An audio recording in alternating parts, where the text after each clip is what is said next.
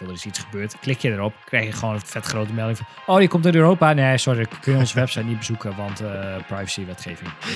Ja, ze willen niet voldoen aan die privacy-wetgeving.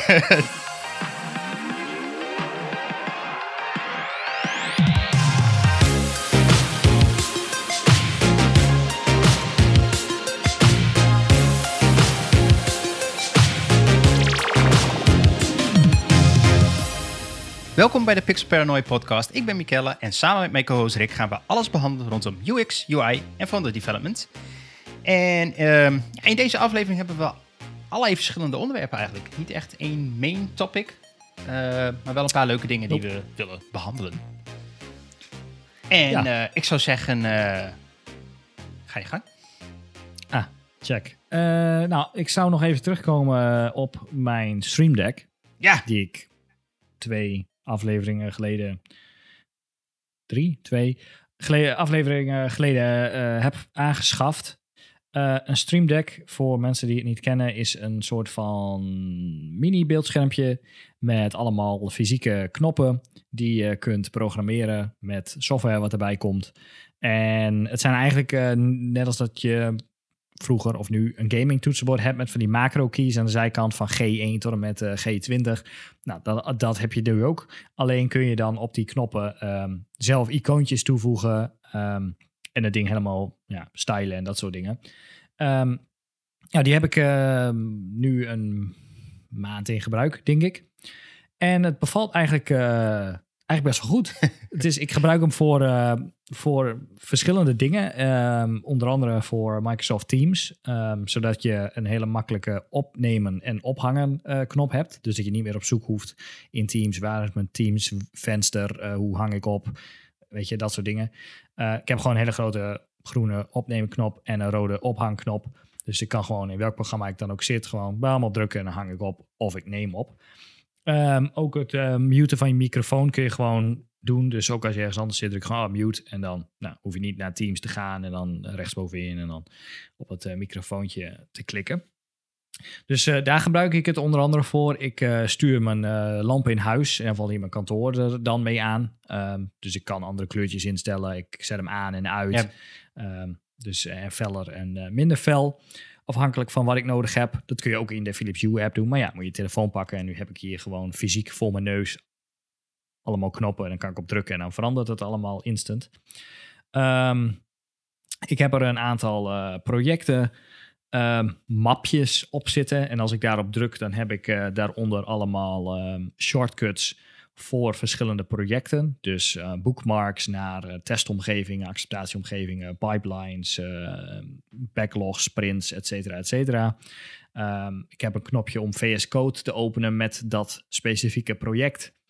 Ik heb een knopje die in Terminal gelijk alle commands aftrapt om een project te starten, zodat ik niet drie windows hoef te openen en dan in iedere window van alles nog wat hoef te typen. Dat is gewoon één knop en dan trapt hij dat allemaal automatisch af.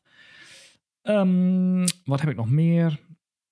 Nee, dat, dat, dat is het wel. Ik heb nog een paar uh, shortcuts naar, uh, naar wat andere programma's. Ja. Yeah. Maar, uh, nou, nee, ik, het bevalt me goed. En je kunt heel snel, als je dingen toch niet gebruikt, verwijderen, verslepen, in mapjes zetten. Het is, ja, vind ik handig. Jij hebt hem ook. Ja, ik, ik heb hem ook. Ik, staat hier voor me. Uh, ik, ik vind het ook rete handig. Uh, ik, ik hoor mensen al in, uh, zeg maar in mijn achterhoofd roepen van... ja, maar ik kan toch ook allemaal op toetsenbord en je kunt wel allemaal shortcuts.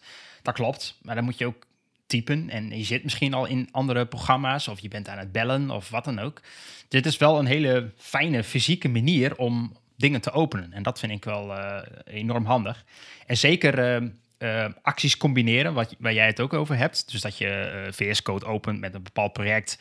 Je kan eventueel eraan koppelen dat hij daarna uh, nood uitvoert of andere commands. Je kunt helemaal losgaan.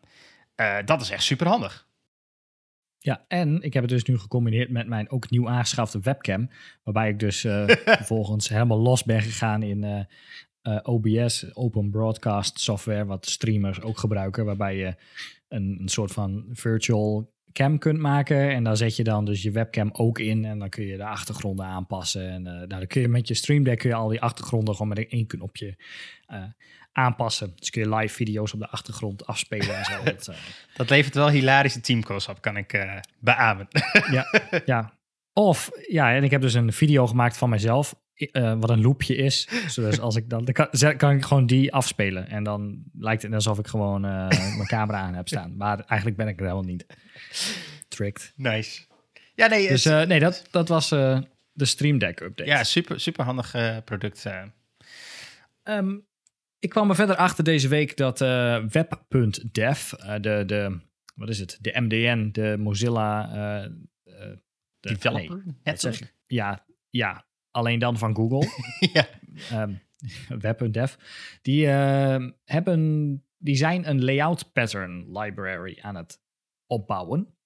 Um, waarbij je best wel veel toffe patterns van hun eigen kunt gebruiken. Dus ze hebben layout patterns en ze hebben wat web vitals patterns. Een soort best practices. Um, ze hebben er heel veel basic dingen in staan van hey, hoe maak je een holy grail layout, dus met een header, een sidebar, main content en een footer. Yeah.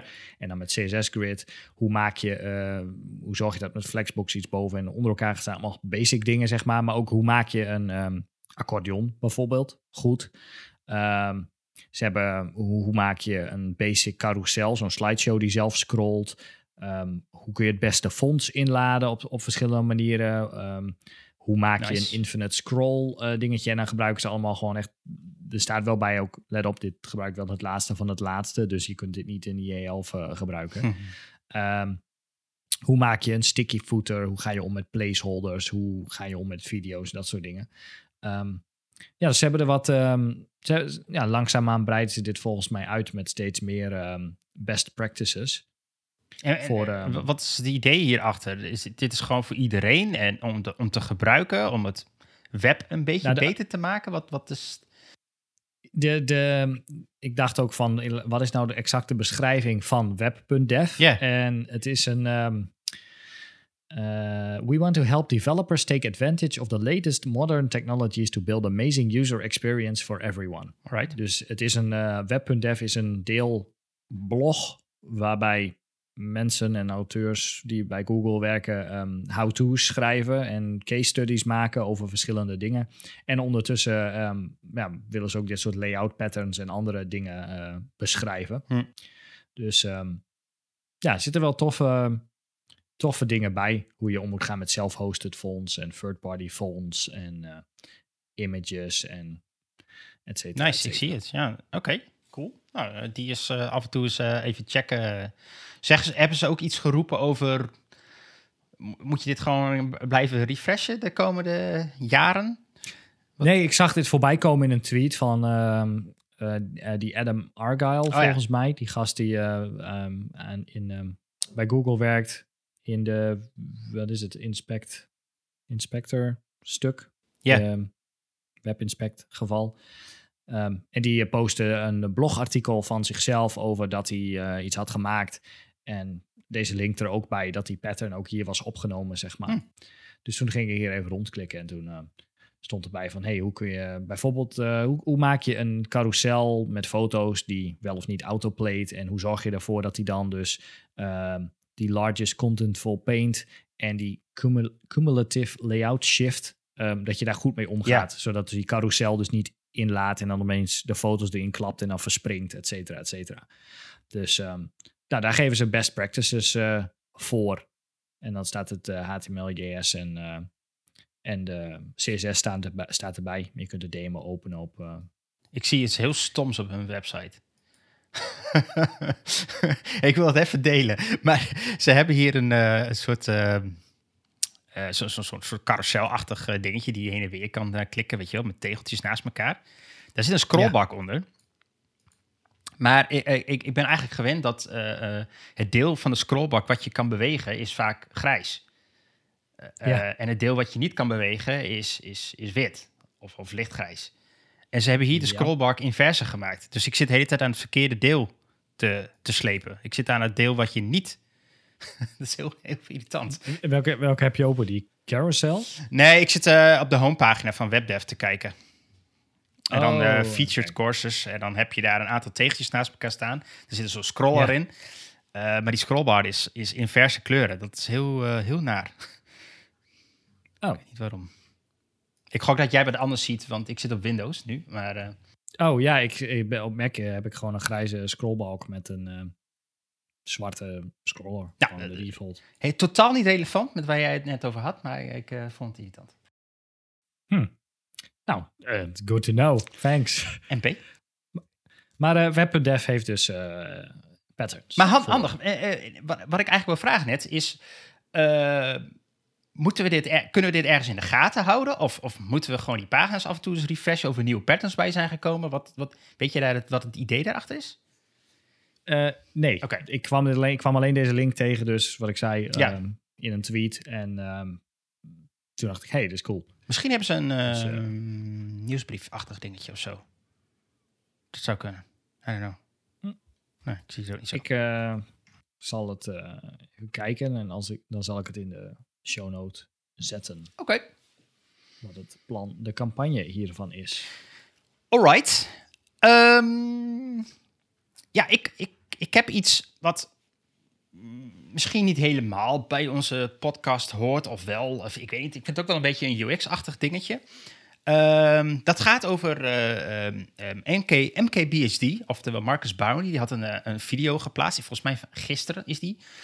Eh, en het gaat over het gebruik van eh, chat-apps op, op mobiel. Ja, En ehm, hij vert- Marcus Brownlee is een Amerikaan, dus hij vertelt het vanuit een Amerikaans perspectief. En het issue daar is eigenlijk eh, dat eh, ehm, Apple is daar heel groot. Ehm, eigenlijk kwam hij met cijfers dat ik dacht van, holy shit, ik wist niet dat het zo groot was in Amerika. Eh, Want wat hier, nou, ik denk dat hier in, in, in Nederland, wat zal het zijn? 70% Android, 30% Apple? Zoiets? dat is mo- moeilijk. Ja, ik, geen Ik- ik weet het niet zeker. Ik, ik roep maar wat. Maar hij liet dus zien dat in Amerika is het dus 74% Apple en de rest is Android. Dat is echt wel massive. Ehm, Oké. Maar waar gaat het nou eigenlijk over? Het gaat over eh, eh, hoe, hoe men daar communiceert. En eh, in Nederland zijn wij gewend om, ik denk eigenlijk wel als, als beetje standaard app, WhatsApp te gebruiken.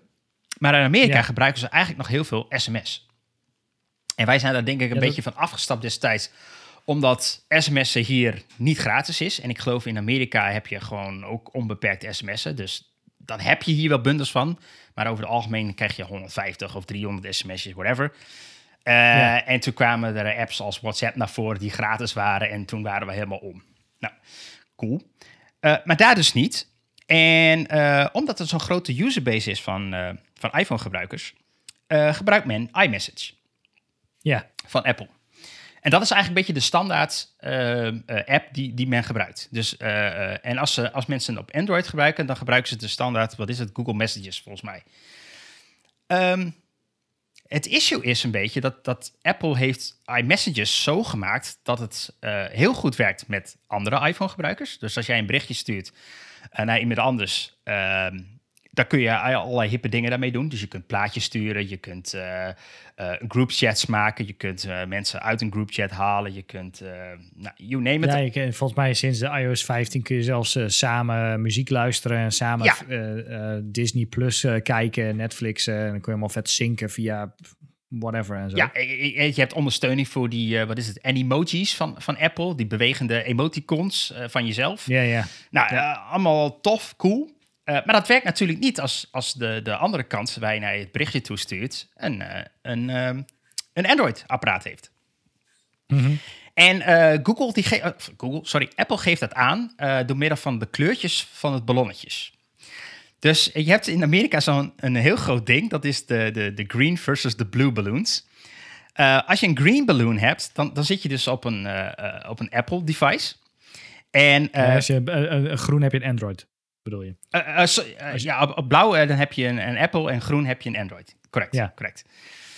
Ehm, wat er gebeurt, en, en dat, is, dat is best wel heel lelijk. Stel je replied op iemand via op een, op een Apple device, je replied op iemand die een Android device heeft. Dan zie jij op je app, Apple telefoon gewoon heel netjes een, een, een reply op. Hè, dat is zo twee ballonnetjes die aan elkaar geplakt zijn.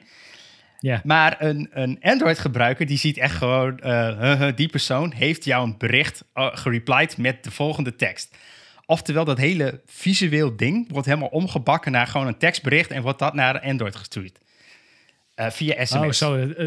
Oh, het hele, het hele, het hele uh, reply stukje wordt gewoon echt omgezet naar tekst. Ja. Oh, dat wist ik niet. En, en, en um, stuur jij een, als Apple-gebruiker een foto naar een, een Android-gebruiker, dan gaat dat via MMS. Ja, dat, dat ken ik nog van vroeger. Ja, ja en, dat, en dan krijg je dus, stel, ik, ik stuur, we hebben allemaal dikke telefoons tegenwoordig die 1080p opnemen. Ik maak een leuk videootje, stuur die naar iemand anders toe met een Android en die krijgt gewoon zo'n 3 MB bestandje met helemaal gecomprimeerd als de pest, een postzegel. Uh, ja, ja, precies. En, en oftewel, uh, wat, oh, je, wat je krijgt is dat als mensen, mensen daarvoor Android kiezen, dan zijn ze eigenlijk gewoon een beetje buitengesloten. Ja, ja, dat ik, ja de, ik heb regelmatig de afgelopen jaren inderdaad die memes voorbij zien komen van de green bubbles en de, en de blue bubbles en, en de group chats waar mensen. Want je kunt ook wel als Android-gebruiker in een groupchat worden gezet met dus Apple-gebruikers schijnbaar, maar dat, nou, dan ontvang je dus de helft van de berichten volgens mij niet. Nee, en, dat, en het, het werkt echt heel naar. Maar waarom zitten mensen daar niet op WhatsApp? Nou, dat is een goede vraag. Um, wat hij aangeeft is dat eigenlijk in Amerika heel gewoon is, omdat, omdat sms'en daar al sinds, sinds dag één dat sms er is, die techniek. Uh, Maakt men daar gebruik van. Dus men installeert dus niet, zoals wat wij hier wel gewend zijn, andere apps om met elkaar te berichten. En uh, daar zit het een probleem een beetje. En, uh, en, en, dan zegt hij in zijn video ook een beetje lachwekkend van... ja, ik weet dat nu de hal andere halve wereld zeg maar ons uitlacht... Want die hebben zoiets van, ja, gebruik gewoon WhatsApp of Telegram of Signal of whatever. Er zijn talloze apps. Ja, ja de, gewoon de cross-platform uh, dingen. Exact. Alleen, uh, ja, dat, uh, het is dus heel moeilijk om dat voor elkaar te krijgen. Want ja, je kan als, als enige wel beslissen om over te gaan naar, naar WhatsApp. Maar als jouw, jouw familie, jouw vrienden, jouw, jouw, jouw sociale ja, netwerk dat niet heeft. Ja, ja, nee. Ja. Het is een beetje zo'n zo'n zo'n kip-ei verhaal, zeg maar. Waar wij allemaal over zijn op WhatsApp of andere dingen. Ja. En niemand meer op sms zit. Want serieus, ik heb, mensen hebben mij wel eens ge-sms'd. En dat, dan krijg je daar het meest zielige, op mijn iPhone dan, het meest zielige trail-notificatietje ever van. En ja, weet je, geen idee, dan, dan swipe ik hem weg of zo. En dan kom ik later, zie ik, oh, staat er eentje bij sms. Het enige waar ik sms voor gebruik is het ontvangen van al die DigiD-inlog sms'jes en andere uh, two-factor uh, dingen. Stuur gewoon even een push-dinges AUB in plaats van sms'jes. Maar um, ja. ja, dat is, mijn sms-box bestaat alleen maar uit dat soort dingen. Uw bezorging is onderweg. We komen morgen langs. Ja, bij mij, bij mij net zo, inderdaad. Ik, en ik denk eigenlijk voor, de, voor de meeste Nederlanders. Maar eh, als iemand mij eens een keer sms, dan vergeet ik daarop op te reageren. En ja. Ik, het is wel handig hoor. Er zijn een aantal mensen die ik wel eens een iMessage wil sturen vanaf mijn MacBook om geen idee waarom ik dan niet gewoon naar WhatsApp of Telegram of zo ga. Maar dan open ik iMessage en dan stuur ik die mensen daar een bericht. En dan, zitten zij ook op een MacBook. En dan, dan is het meer gewoon een soort van chatten en niet echt sms'en. Maar ehm, oké, ik wist niet dat mensen in Amerika ehm, dus niet een app willen installeren of dat doen om... Uh... nee. Maar eh, hoe gaan ze daar nou mee om dan? Want dan nou, heb je dus, dat, dat is een goede vraag. Ehm, wat, wat, waar men eigenlijk naar over wil, is, is een, een, een, een uh, nieuwe manier van communiceren met elkaar. Nou, nou wat er uh, uh, op dit moment, of de, er is al een tijdje een, een, ontwikkeling gaande met een soort van e-mail. nieuwe standaard. En ik zit even de naam van die standaard op te zoeken. Ehm, hoezo hebben we een nieuwe standaard? Je kunt bellen, sms'en, mailen, WhatsApp, Telegram. Ja, maar WhatsApp is natuurlijk geen standaard. Dat is gewoon een bedrijf. Uh, want, en dat, dat geeft Marcus oh, ook. Oh, dus komt een nieuwe standaard cross-platform. Ja. Oké. Uh, en, en dus een nieuw, want, want SMS die, die en we, we gebruiken nu, of we, we, gebruikten vroeger een soort van combinatie tussen SMS en MMS. Uh, ja. en, en daardoor is het redelijk hip, maar dat, daar zitten heel veel standaarden nog niet in. Dus daar zitten geen replies in, daar zit geen end-to-end -end encryption in, et cetera men is bezig met een, uh, uh, of, of, heeft dat eigenlijk al een beetje ontwikkeld met een standaard waar dat soort dingen wel allemaal in zitten. En ik ben even de naam kwijt. Ik ga het uh, proberen op te zoeken ondertussen. Ehm, maar Google is nu de enige die daar gebruik van maakt nu. Oké. En eh, dat is ook wel weer een probleem. Eh, Google heeft dat nu verwerkt in, in, die, in dit Google Messages eh, standaard app, zeg maar. Dus daar zit het al in. Ja. Dus als mensen Android naar Android sturen, dan onder water gebruik je dat. Alleen dat wordt wel gehost op Google Service. En dan gebruik je dat op je Android-telefoon. En oftewel, het is eigenlijk, het is niet van Google, maar het is alleen maar Google die er nu mee bezig is. En dat zorgt er eigenlijk Ja. voor dat Apple zoiets heeft van, ja, daar gaan we niet aan meedoen, want Maar het is, het is, het is het, eh, gaat het via internet of, of wel sms? zeg Het, het gaat via internet. Eh, en het moet ergens gehost worden. En dat, dat is, wordt nu gehost op, dus op de Google service. Dus Apple Ja. heeft zoiets van, ja, eh, yo, daar gaan we niet aan meedoen. Want we hebben al iets. We hebben iMessage. Dus Ja, maar die willen ze niet. Die gaan zij niet open sourcen, Nee. want eh, redenen. Dus Ja. eh, Dus da- het lijkt er een beetje op dat daar, dat, dat niet echt opengebroken wordt.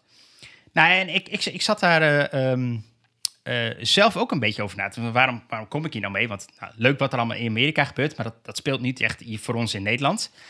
Eh, Nee. Maar ik heb wel al regelmatig eigenlijk wel eh, nagedacht van... Ja, ik wil eigenlijk ook wel bij WhatsApp weg. Want ik ben niet zo'n mega fan van Meta tegenwoordig. nee. Ehm, maar dat is best wel moeilijk.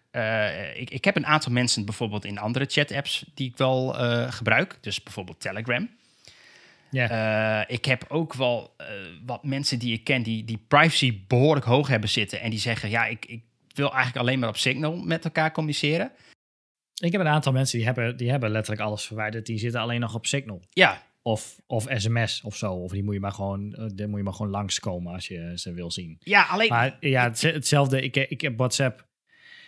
eh, ik, even een flashback. Je had eh, BlackBerry en toen had je eh, Ping. Ja. En dat was ook, dat was eigenlijk de eerste, eerste daarvan. Toen had je, kreeg je apps als Ping Chat. Dat waren dan apps voor je iPhone. Dat was natuurlijk helemaal geen Ping, maar dat, die hadden gewoon lekker op die gingen eh, mooi meeliften op die naam. Nou, toen kwam WhatsApp en dan ging best wel veel mensen gebruiken. Dan had iedereen zat inderdaad op WhatsApp. Nu is dan WhatsApp van Facebook. Nou, al dat gedoe met wel of niet die nieuwe ehm, eh, privacy statement eh, accepteren, want eh, je tekent je ziel weg en weet ik het allemaal. Ehm, ja, ik vind ook dat de ontwikkeling bij Facebook, of bij Facebook, bij WhatsApp, wat van Facebook is, Mhm. van Meta is, niet heel erg hard gaat. Als ik kijk naar wat ze bij Telegram elke maand voor, voor updates doen. Eens? Ja, Telegram is dan weer van Russische makelaardij. Valt ook wat voor te zeggen. Ehm, maar goed, ik, WhatsApp heeft dan WhatsApp Web. Nou ja, dat, ze hebben nu een beta. Dat werkt dan nu enigszins redelijk. Normaal dan moest ik, eh, iedere keer als ik een bericht wil sturen... dan zeg je, oh, je telefoon is niet verbonden. Ehm, ja, ik, ik weet niet. Ik zit al eh, eigenlijk sinds dat eh, WhatsApp aan Facebook werd verkocht op Telegram. En dat bevalt zeer goed. Want je kunt daar ontzettend veel. En ehm, Ja, ik, ik- ben ik helemaal mee eens. Alleen wat ik dus wel lastig vind is, ik, ik- je krijgt het niet voor elkaar. En dat is denk ik ook het probleem wat in Amerika dus speelt. Je krijgt het niet voor elkaar om iedereen mee te nemen naar, die, naar zo'n service. Dus het probleem wat ik nu heb is, ik, ik heb nu drie, vier chat-apps, zeg maar.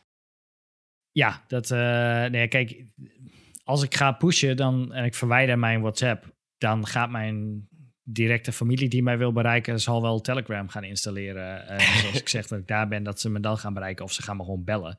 Ehm, maar ja, er zijn ook heel veel mensen die niet technisch zijn. Die denken, ja, I don't give a shit. Ik, ik deel hier geen staatsgeheimen op. Eh, ik installeer die app. Ik kan berichten sturen. Ik kan berichten ontvangen. Ik vind het helemaal prima. Kost niks. Mooi.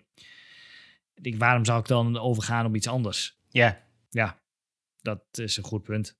Ik, ja, ik heb Signal ook geprobeerd. Ik vind de interface daarvan ehm, karig. ja ik Om ook. het zo maar te zeggen. Dat, Het is eh, echt, echt qua... Sure, het werkt, maar ik vind het niet echt eh, een technisch hoogstandje of zo. Nee. Misschien technisch hoogstandje wel, maar niet een, een visueel hoogstandje. Nee, dat, dat is precies ook mijn ervaring met, eh, met Signal. Eh, het, het is, eh, ik weet dat de privacy standaarden zijn door menige privacy en security experts. security bedoel ik dus eigenlijk. Security experts, menig die daar zegt van, nou, dat zit allemaal goed in elkaar. Men weet dat niet exact van Telegram, want daar zijn ze niet heel open over wat voor end-to-end encryption ze nou gebruiken. Maar qua, Nee. qua features, ja, is, is, is Telegram gewoon mijlen verder dan, dan, dan Signal dat is. Daarom vind ik Signal, of, eh, Telegram echt een stuk fijner. Ja. Eh, je hebt ook nog Wire trouwens. je dat wel eens gebruikt? Nee, zeg maar niks. Oké, nou dat is ook, ook zo'n eh, eh, best wel privacy-minded, maar die heeft eigenlijk nog minder features. WhatsApp heeft tegenwoordig wel end-to-end encryption, dus dat is oké, I guess. Ja, ja, we hebben het nu over Amerika en Europa. Volgens mij leeft eh, Azië leeft op WeChat. Ja, ja, WeChat. De, daar, WeChat is alles daar. Je kunt daarmee betalen en je kunt ermee eh voor mij inloggen op je sociale, op zeg maar je, digi, je Chinese DigiD en dan weet ik het Ja, alles. Je kunt er ah, alles mee dat is, dat is de app waarmee je alles kan. Volgens mij taxis bestellen, hotelkamers boeken, alles. Dus ik kan het Ja. niet opnoemen. Heb ik niet. Nee, ik heb het ook niet. Maar eh, eh, ik heb wel het idee dat men in Azië daar eh, iets verder mee is met een app wat alles kan. Eh, ik ben trouwens ondertussen dat we nu een beetje aan het kletsen zijn, ook achter wat, eh, hoe het heet. Het heet Oh. eh, ehm, Rich Communication Services. En dat is door de eh, GSM Association eh, ontwikkeld.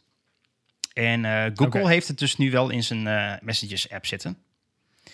Eh, maar ja, eh, de kans is heel groot dat Apple daarin niet meegaat. Dus kunnen we het niet gebruiken. En dat is eigenlijk wel weer een beetje zuur. Ja. Ja, ik, eh, ik had verwacht, volgens mij er waren twee jaar geleden of zo, waren er wel redelijk wat rumors dat Apple mogelijk het toch wel naar Android wilde gaan brengen. Maar ehm, Ja. Ik, ik, ik, eh, eh, Marcus die laat daar ook een stukje over zien. En hij geeft aan dat er berichten zijn ehm, eh, binnen Apple. Dat er wat, wat notes intern zijn verstuurd. Van ja, als we dat gaan doen, dan, dan hebben we eh, eh, geen login meer te pakken, zeg maar. Eh, en dat is ook zo. nee. iMessage is gewoon een enorme lock-in om op Apple-ecosysteem te blijven. Oké. Maar ja, ik vind het. het is lastig, want het, is gewoon niet makkelijk dus om op één platform met elkaar te kunnen communiceren. Ehm, en dat is ergens wel jammer. En ergens misschien ook wel weer een pluspunt, want zo is de concurrentie. Maar dat is nog niet Ja, maar echt... UX-wise is het, is user experience-wise is het natuurlijk niet chill. Ik weet, ik, ik heb geen, dat die, die discussie voeren we hier niet, want we hebben hier WhatsApp. Maar ik kan me voorstellen dat als jij je, je digibet eh, familielid in Amerika dan uitlegt van, nou hier heb je een Samsung Galaxy S, whatever. Maar we kunnen niet sms'en, want dat, eh, ja, kan wel, maar dan kan ik je geen toffe dingen sturen en zo. Nee, Ja, misschien is dat wel de normaalste zaak van de wereld. Vind ik, oh, je hebt een andere telefoon, nou prima, dan eh, werkt dat niet of zo. I don't know. ja, ik, ik- Apart. ja. nou goed, ehm, dat eigenlijk. Oké. Ehm, ik kwam een alternatief voor Google Analytics tegen. Ehm, maar er was ook iets in het nieuws wat ging over Analytics. Ja, En daar kwam jij wat. eh, ja klopt. daar heb jij wat over. Ja, eh, ehm, eh, er kwam vorige week ineens een bericht, werd verspreid over Twitter. En dat ging eh, ehm, eh, over dat onze autoriteit persoonsgegevens een document heeft aangepast, die, die een aantal jaren geleden opgesteld is, dat, waarin staat, ehm, Google Analytics kan mogelijk binnenkort verboden worden. En iedereen was helemaal, wat? Hoe kan dat nou? En what the fuck is here going on? En, en hoe kan dit nou? Nou, oké. Ehm, waar, zit eh, waar, is dit begonnen? Eh, de privacyautoriteit, dus eh, zeg maar de, de, de AP van, van Oostenrijk, die oordeelde vorige week dat het gebruik van Google Analytics in strijd is met de AVG. En AVG staat voor Algemene Verordening Gegevensbescherming. Ehm, en dat is wel een dingetje, eh, want ja, eh, praktisch de helft van het web draait op eh, Google Analytics. Of heeft Google Analytics als service eraan hangen om alle analytics Ja. te tracken en alle metingen en alles te doen. Ja. Ehm, en, en, en waarom zeggen ze dat? Nou, de hele claim daarvan is dat Google dus IP-adressen opslaat, maar ook ehm eh, browserparameters. En eh zoals wellicht onze luisteraars al weten, eh, je kunt eigenlijk aan je browser eh, er zijn allerlei, allerlei eigenschappen die teruggeven als je een, een website bezoekt. En die eigenschappen zijn zo uniek dat je die bijna kan terugleggen als: hé, hey, dat is die ja, ene de, combi- persoon. de, combina- de combinatie Ja, van die, de combinatie van die dingen. Want inderdaad, er zijn heel weinig mensen die een bepaalde resolutie met een bepaald type scherm, met een bepaald eh, dit, dat, zus en zo en, en een bepaald IP-adres. Nou, als je dat allemaal samen hebt, dan heb je eigenlijk inderdaad een, een, een fingerprint, iemand gefingerprint. Zo kun je het, eh, kun je het noemen. Nou, en, en het, het issue dus is dat Google die twee dingen opslaat. En dan zou een, een beheerder van die Google Analytics gegevens, of van die, van die website dus, die zou er eigenlijk misschien wel kunnen achterhalen wie die persoon is. Nou, dat gaat natuurlijk tegen de AVG-wet in. Ehm, en daarnaast, uh, ze slaan dat op, maar ze slaan dat niet per se in Europa op. Ze slaan dat mogelijk ook in Amerika op. En uh, um, uh, het ding daarbij is dat dat eigenlijk niet mag, tenzij je een contractuele clausule hebt. Ehm, ja, en Google heeft dat met Europa. Ehm, alleen, dit is zeg maar niet helemaal de bedoeling daarvan. Um, en, en dat is waar uh, de, de, de privacyautoriteit van Oostenrijk uh, over valt. Ze zeggen van ja, uh, allemaal leuk en aardig. Jullie schuilen je achter die clausule. Maar dat is niet helemaal de bedoeling, want jullie sluizen eigenlijk gewoon gegevens, privégegevens door, door naar Amerika. Ja. En als de Amerikaanse overheid zoiets heeft van hey, hallo Google, we willen even bij jullie in de service kijken wat daar allemaal gebeurt. dan moet Google dat toestaan, want zo werkt het in de Amerikaanse wetgeving. En dan kunnen ze in de gegevens van Europese burgers kijken. Nou, dat uh, ja. worden wij hier in Europa niet zo blij van. Um, wat heeft uh, onze eigen autoriteit persoonsgegevens nou gedaan, dus hier in Nederland, is uh, die heeft dit nieuws natuurlijk goed gevolgd. En die heeft dus een, een document aangepast. en dat document dat gaat eigenlijk over hoe kun je Google Analytics zo privacyvriendelijk mogelijk inzetten. En uh, er zijn een aantal instellingen die je kunt aangeven daarin. Uh, je kunt bijvoorbeeld zeggen van, hey, ik wil uh, bepaalde dingen niet delen met Google. Ik wil bepaalde dingen uitzetten. Nou, er zijn een aantal vinkjes die je uit kunt zetten. en daarin staat nu bovenin een stukje tekst, geel gearseerd, met van, hey, het, het, kan zijn dat, let op, Google Analytics mogelijk binnenkort niet toegestaan. En dat is dus op basis van wat ze daar in, in Oostenrijk hebben ontdekt. Maar dan moeten ze dus nog een oordeel over vellen. Ja, ehm wat een beetje gek is, is dat Oostenrijk heeft dus eigenlijk al is naar de rechter gestapt en heeft daar al een, daar is een uitspraak over gegaan van hey, dit is verboden. En ja. normaal gesproken zou, werkt het zo in Europa van als dat één lidstaat dat doet, dan volgen eigenlijk alle andere lidstaten binnen Europa ook. En uh, uh, zijn we gezamenlijk daarmee eens dat dat niet kan, want we hebben één rechtssysteem, et cetera. Het rare mhm. is nu een beetje dat onze AP nu zelf onderzoek gaat doen. Om te kijken van, nou, staan wij hier wel achter, uh, et cetera. Ik weet niet exact waarom dat is. Dat, dat is niet bekend. Uh, maar zij gaan dit nu zelf onderzoeken uh, of ze het hiermee eens zijn of niet. En ze komen uh, begin dit jaar nog met een reactie of dit verboden wordt, ja of nee. Oké, okay, want ik weet dat Analytics heeft inderdaad zo'n hele mooie GDPR-page. Ehm, ja. Met daar een aantal vinkjes van, uh, weet ik veel, uh, obfuscate deze data of zo die je binnenkrijgt en track geen IP-adressen, dacht ja. ik of zo. En nou, er zitten wat van die EU-vinkjes in. En dan hoop je maar dat het dan goed gaat. Ik vind het hele, die hele analytics-bedoeling sowieso um, vaag. Want nou, volgens mij hebben wij al meerdere keren uitgezocht of je nou wel of niet cookies mag zetten voor analytics zonder cookie bar, zeg maar. Want um, je mag geen cookie wall doen. Dus je mag niet de pagina onbruikbaar maken uh, met een hele grote melding in beeld waar je eerst een keuze moet maken. Nee.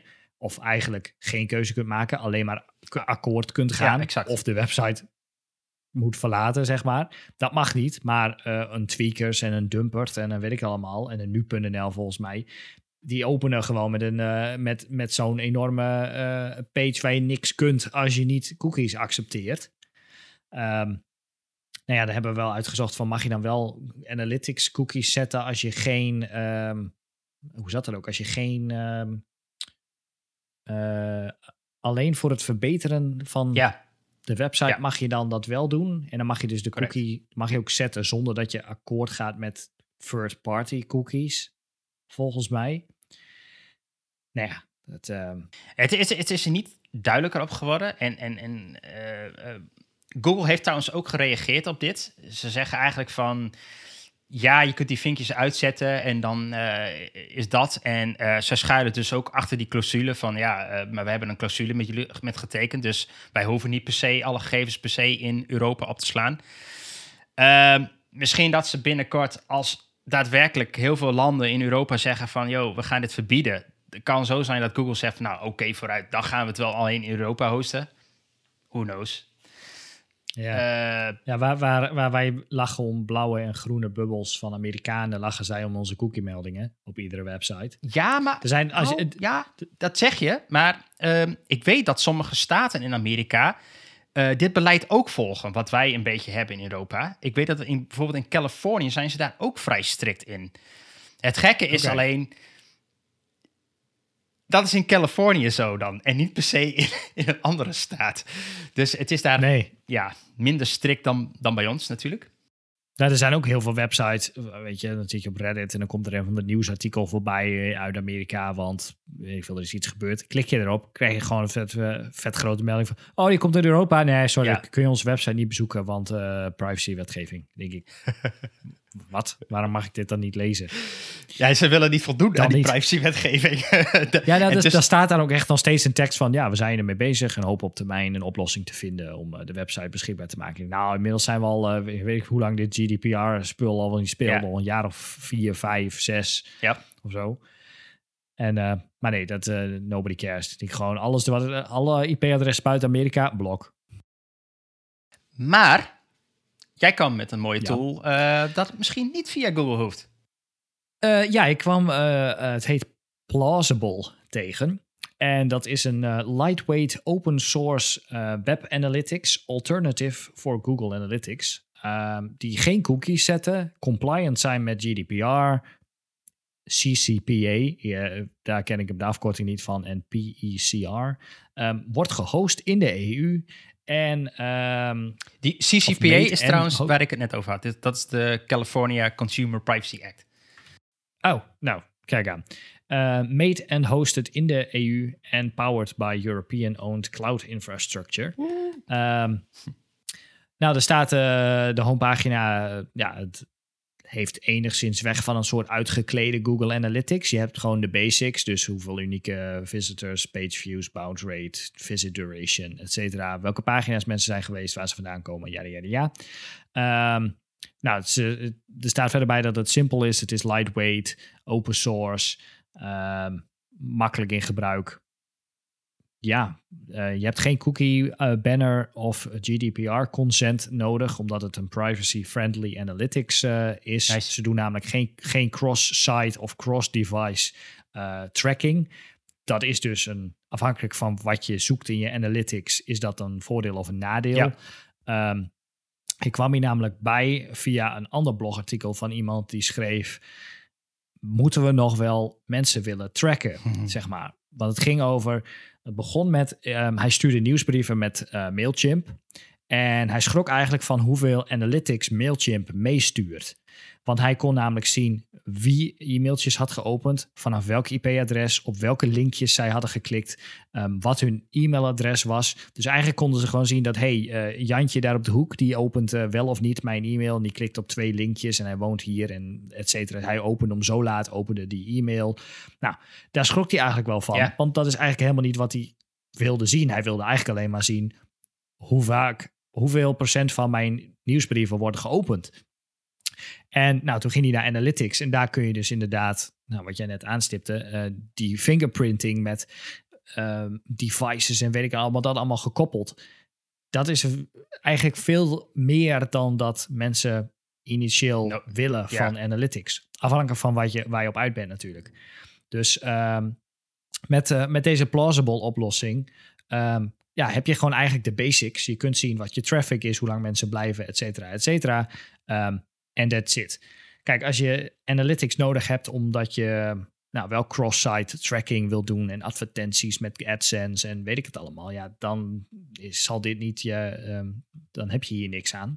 Maar zoek je een simpele oplossing om basic gebruikersstats te zien van je website, ehm, wil je niet harnessen met Google en cookie banners en wel of niet GDPR en wel of niet Europa, et cetera, et cetera, dan eh, is dit een hele eh, toffe oplossing. Ja. En ehm, nou is het wel zo, ze hebben een heel stuk geschreven over hoe zit het nou met ehm adblocking.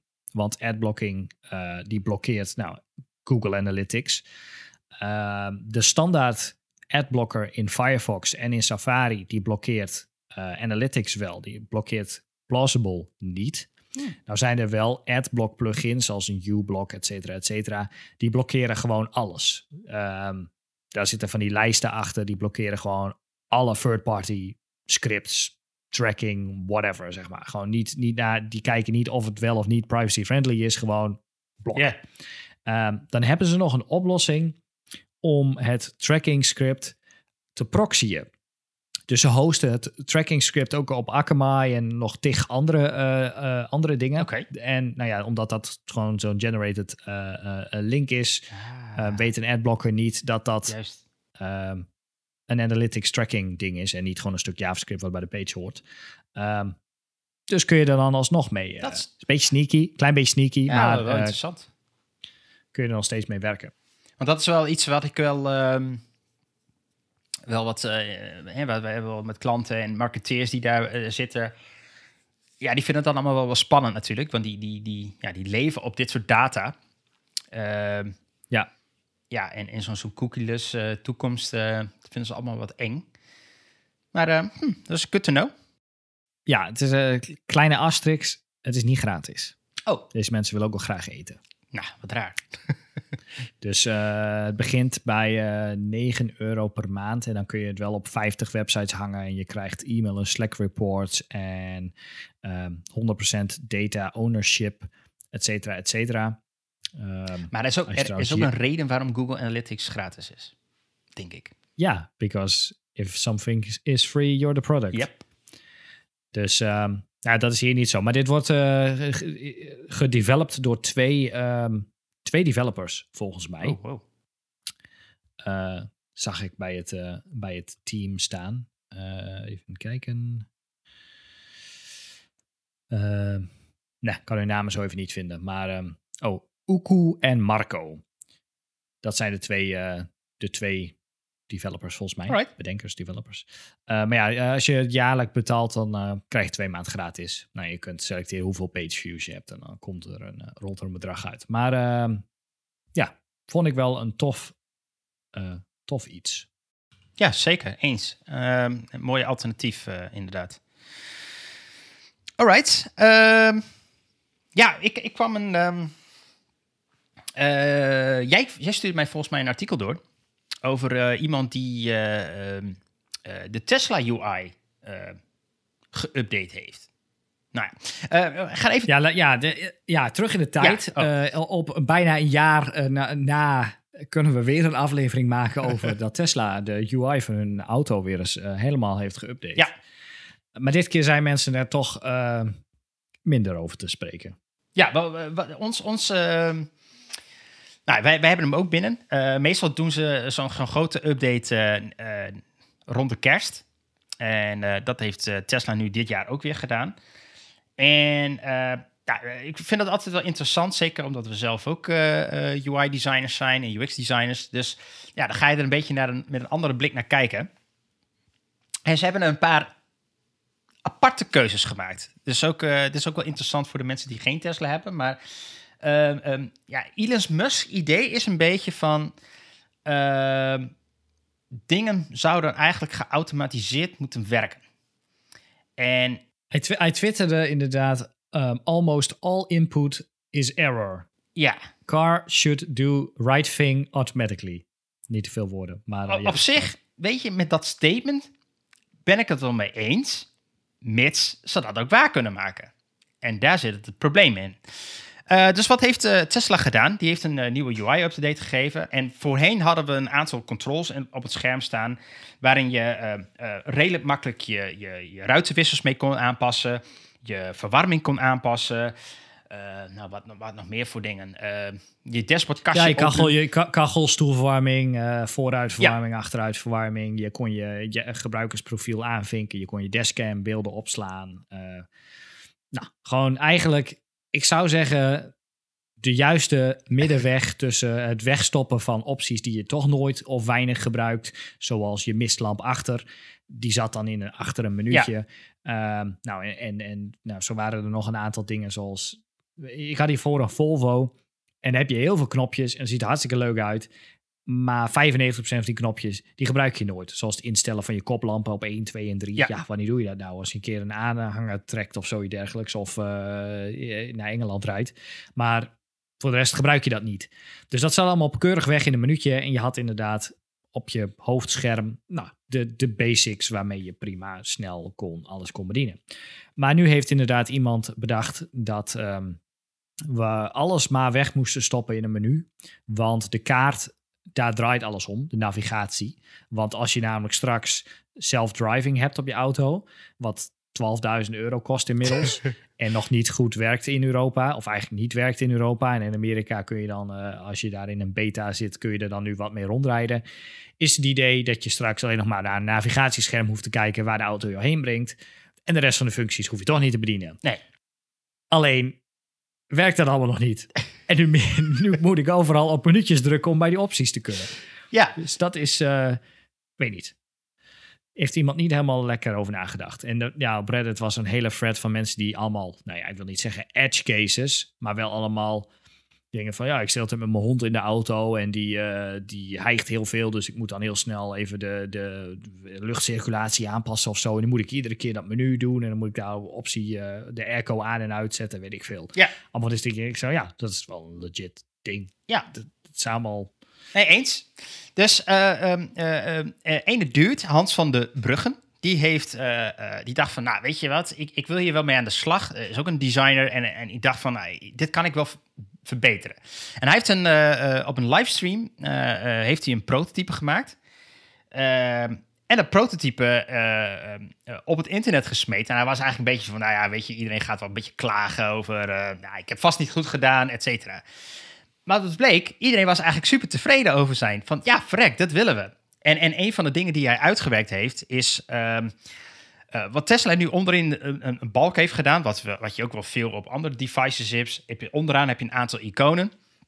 En je kunt nu. Ja, ziet als het als het dock van je telefoon of je iPad of whatever. Of je Mac eh, of je Windows 11. eh, Ja, precies. Dus je, je hebt onderin een dock met een aantal iconen. En Tesla heeft het zo gemaakt dat je die kan instellen. Maar daar kun je alleen maar apps neerzetten. En, en, en apps moet je denken aan, eh, nou bijvoorbeeld Spotify of eh, eh, YouTube of eh, Radio, je, je Radio. dashcam of je energieverbruik of je... Ja. nou, dat soort dingen. Maar dat zijn eigenlijk de apps en, en onderdelen die je niet gebruikt tijdens het rijden. En gek genoeg kun je niet de functies daar neerzetten die je daar eigenlijk wel zou willen neerzetten. Ja, die gast heeft inderdaad de, de, de schijnbaar HDMI-output in je Tesla. Geen idee, maar hij heeft daarop inderdaad eh, eh, zijn laptop aangesloten, een prototype nagemaakt en die gestreamd naar het scherm in je Tesla, waardoor het echt lijkt alsof hij daar ook ehm, nou, die interface heeft, heeft staan. Ehm, maar ja, hij heeft inderdaad, eigenlijk heeft hij de mogelijkheid toegevoegd om iedere instelling in je auto ook als optie onderin die balk neer te kunnen Ja. zetten. Dus als jij inderdaad eh, een ruitenwisser standje 5 eh, eh, dagelijks gebruikt, omdat jij ergens woont waar het gewoon elke dag eh, heel hard regent, nou, dan heeft hij, kun je dat daarheen slepen. Als jij graag elke dag je stoelverwarming op standje 3 wil hebben staan, dan kun je die daarheen slepen. Zet jij elke dag je dashcam aan en uit, hats, kun je die daarheen slepen. Je mistlicht, je kunt gewoon iedere, iedere setting van je auto kun je gewoon daar customizen. En inderdaad, iedereen wilde dat. Ja, Iedereen reageerde daar echt laaiend enthousiast op. Waaronder ik zelf. Want ik denk, ja, inderdaad, geef me gewoon mijn stoelverwarming knopje terug. Nou, en dit, dit kwam ook zo, omdat het zo, zo opgepikt werd door het internet. Het internet ging helemaal los. eh, kwam het ook bij Elon Musk uit. Die erop reageerde van, ja, nee, nee, dit willen we niet. Dit is niet hoe het werkt. Want we willen dat, dat de auto zo slim is, dat hij zelf keuzes gaat maken. Ja, en daar zit nou juist het probleem. Dat, dat kan hij gewoon niet goed. Nee, dat, ik vind het een hartstikke eh, toffe auto. Maar er zijn een aantal dingen die die eh, ruitenwisser, uh, de regensensor, Eh, die of nee, er zit geen regensensor in. Er zit een camera in met een AI die detecteert of het regent. Nou, ik weet niet wat die AI aan het doen is, maar niet checken of het regent. Want die gaat pas aan op het moment dat het alweer gestopt is met regenen. ja. Dat is echt een, een, een dingetje. En de stoelverwarming die heeft dus nu de optie automatisch. Ehm, waarbij die zelf bepaalt of die de stoelverwarming aan of uit zet. Op basis van AI. Want alles is AI bij Elon. Maar ik weet niet wat die AI't. Want op basis van, weet niet, de binnentemperatuur of zo. Maar ja, de, buitentemperatuur, ik heb geen idee. Maar de ene keer dan is het, dan stap ik in en dan staat hij op één. En de andere keer dan, dan smelt ik weg en dan staat hij op drie. Ja. Nou, maar je ik- moet iedere keer een minuutje openen om erbij te kunnen. Ja, nou, en, en, en eh, wat het vervelend daarvan is, is dat ik dus zelf niet de keuze heb om, om, om dat eh, eh, aan te passen. Of, of beter gezegd, ik, ik, weet, eigenlijk- ik wil gewoon die. Ik ben niet zo fan van stoelverwarming.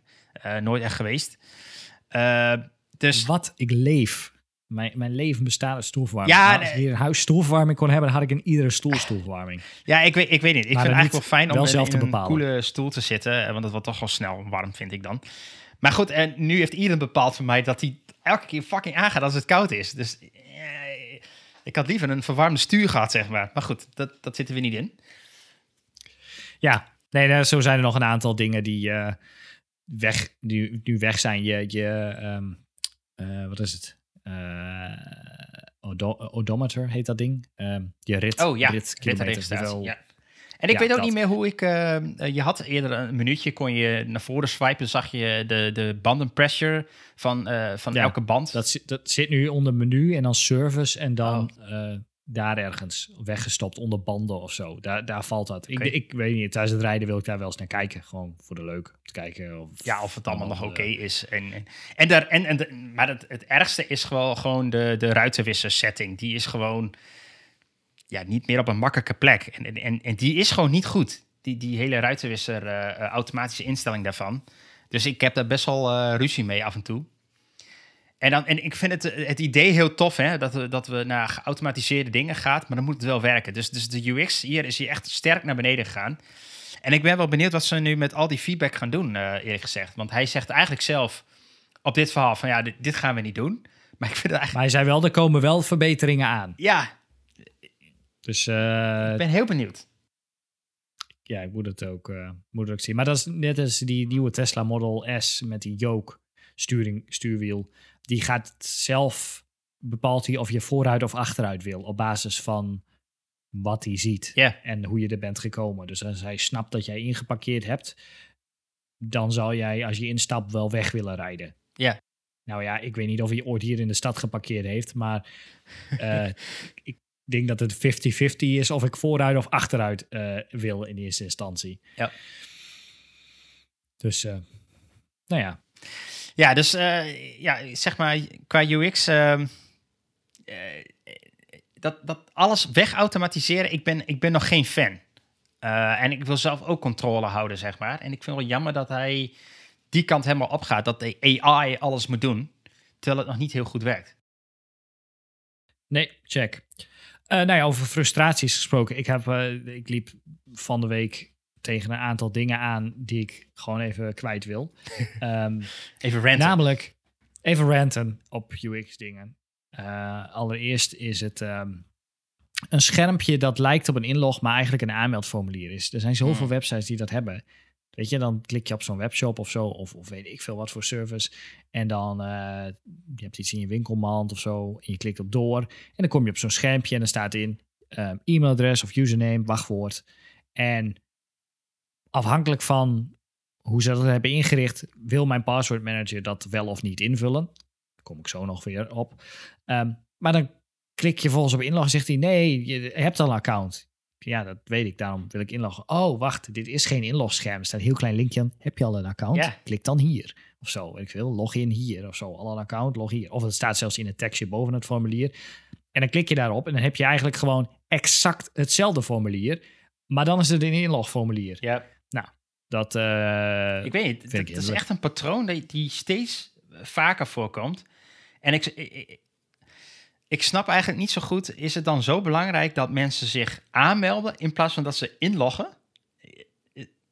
ik, ik, heb, Ik vind het eigenlijk een beetje Daarom- een omgekeerde wereld. Eh, Want je, je Nou ja, dat, ik zou haast denken dat iedereen, dat zij verwachten dat iedereen die daar komt, zeg maar, maar eh, of de service is nieuw, zo van jullie moeten eerst allemaal eerst, en dan op een later moment draaien we het om. ja, Dat lijkt me ook sterk, want dan gaan mensen inloggen en zeggen, nee, je hebt nog geen account. Nee, dat weet ik. Ik wil een account aanmaken. Dan heb je weer de- dat verhaal. Maar ik weet niet, ik eh vind het hinderlijk. ja ik, ik, ik Som- merk sommige sowieso... dingen doet wel goed hoor. als de titel goed verandert of zoiets dergelijks. En er staat gewoon duidelijk bij dat het inlog is of een aanmeldscherm of er verandert iets anders. Maar er zijn heel veel websites die gewoon praktisch hetzelfde venster gebruiken. Het valt mij dus sowieso op dat op best wel veel websites moet ik echt wel even zoeken waar ik moet inloggen. De, de sign-up button, zeg maar, staat in de hero, staat onderaan, sign up here, sign up there.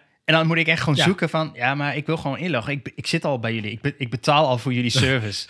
Eh, ja, ja, Laat precies. me gewoon inloggen. Dus, ja.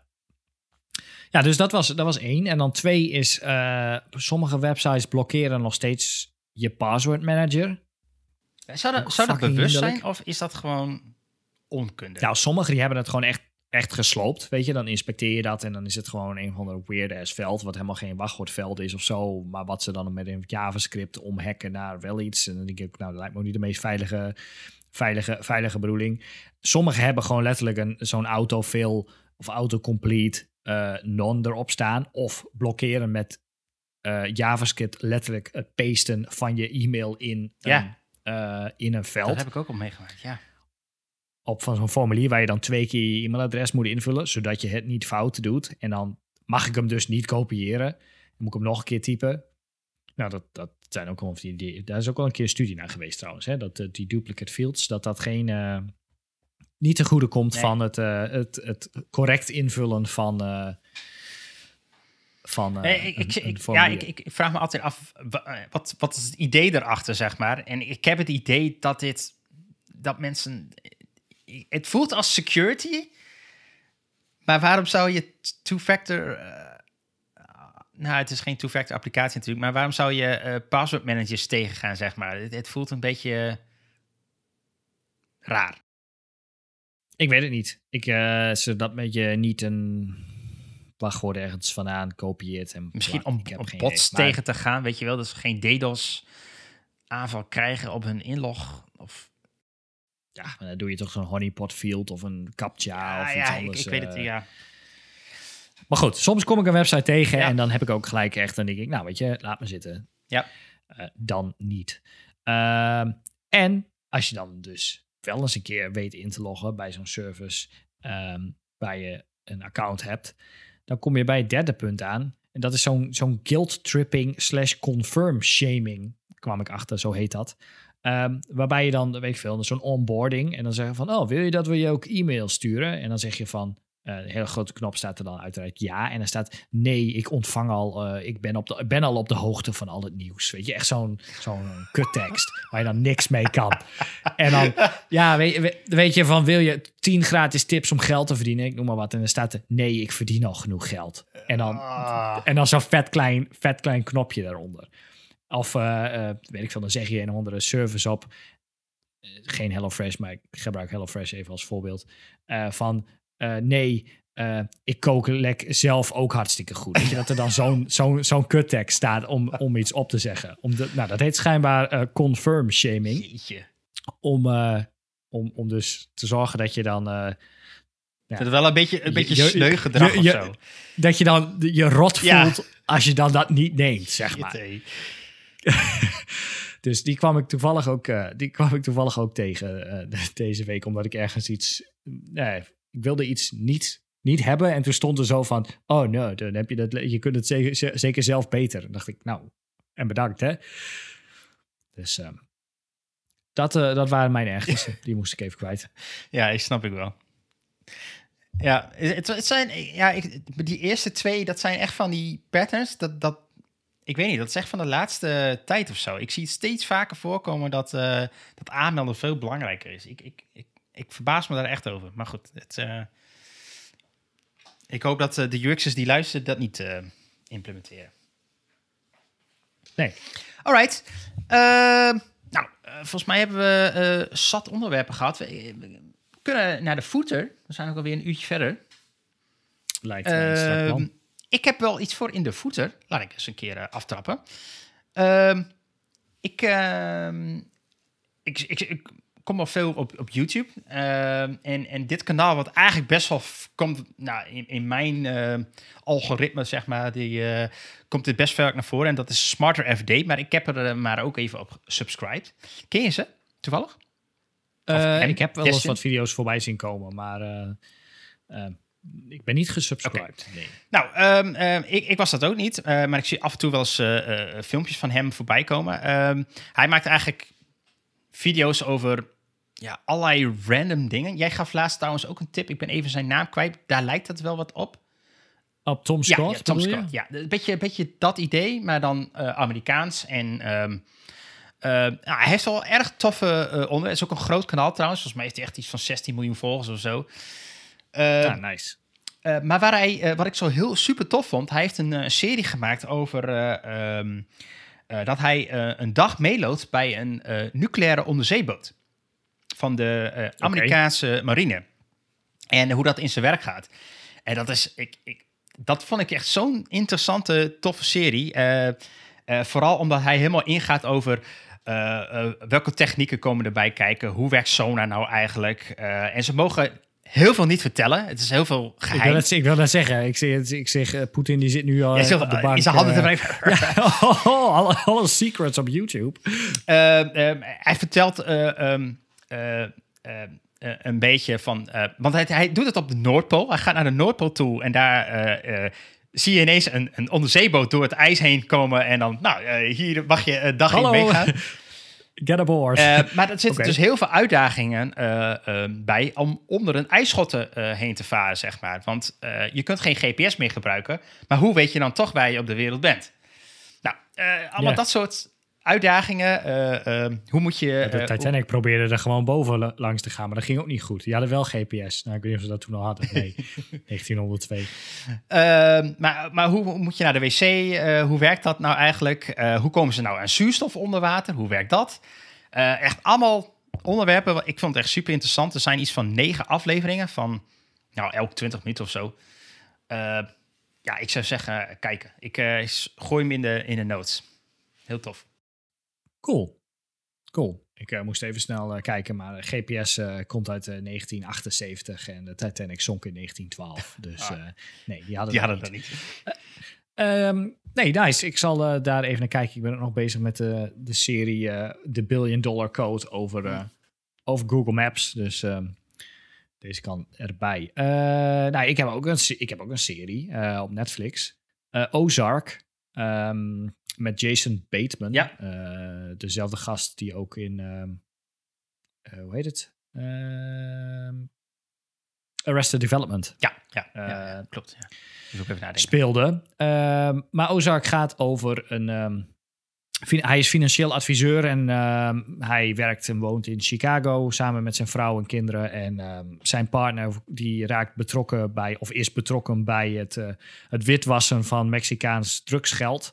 Ehm, en die wordt eh, omgelegd en dan moet hij, eh, komt hij op te draaien voor het, eh, ja, het, het, het voortzetten van de operatie.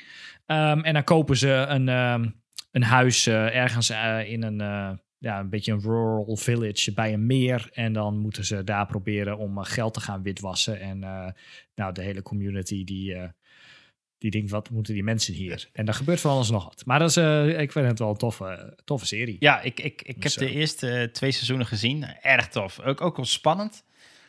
En Ja. het is ook een beetje weird of zo, want het is... Ja, het is Ja. gewoon een vette family, Ja. family, zeg maar. Die dan, maar wel vet.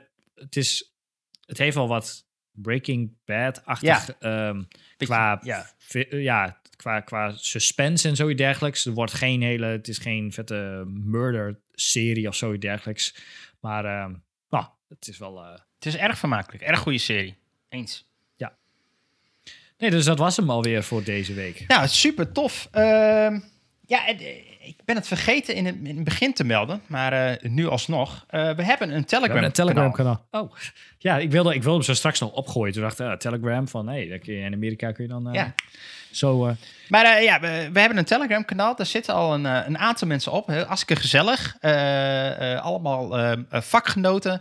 En eh, nou, mocht je mee willen praten, mocht je iets, of weer gewoon eigenlijk alleen maar meeluisteren, of, of weet ik veel, join op Telegram. Je kan naar eh, t.me slash pixelparanoia, of je zoekt gewoon op pixelparanoia binnen Telegram. En dan join vooral, gezellig. En eh, mocht je deze aflevering nou eh, ergens luisteren en je bent nog niet op ons geabonneerd, doe dat dan vooral. Eh, dan krijg je een eh, notificatie ehm, eh, wanneer we een nieuwe aflevering hebben. En eh, we zijn te beluisteren op eh, Google Podcast, Apple Podcast, Spotify, eh, Audible, eh, Amazon, you name it, overal. Alles. Ja, ja, precies. Alles. Overal. En dan eh, wil ik voor nu zeggen, eh, tot de volgende keer maar weer. Later. Hoi.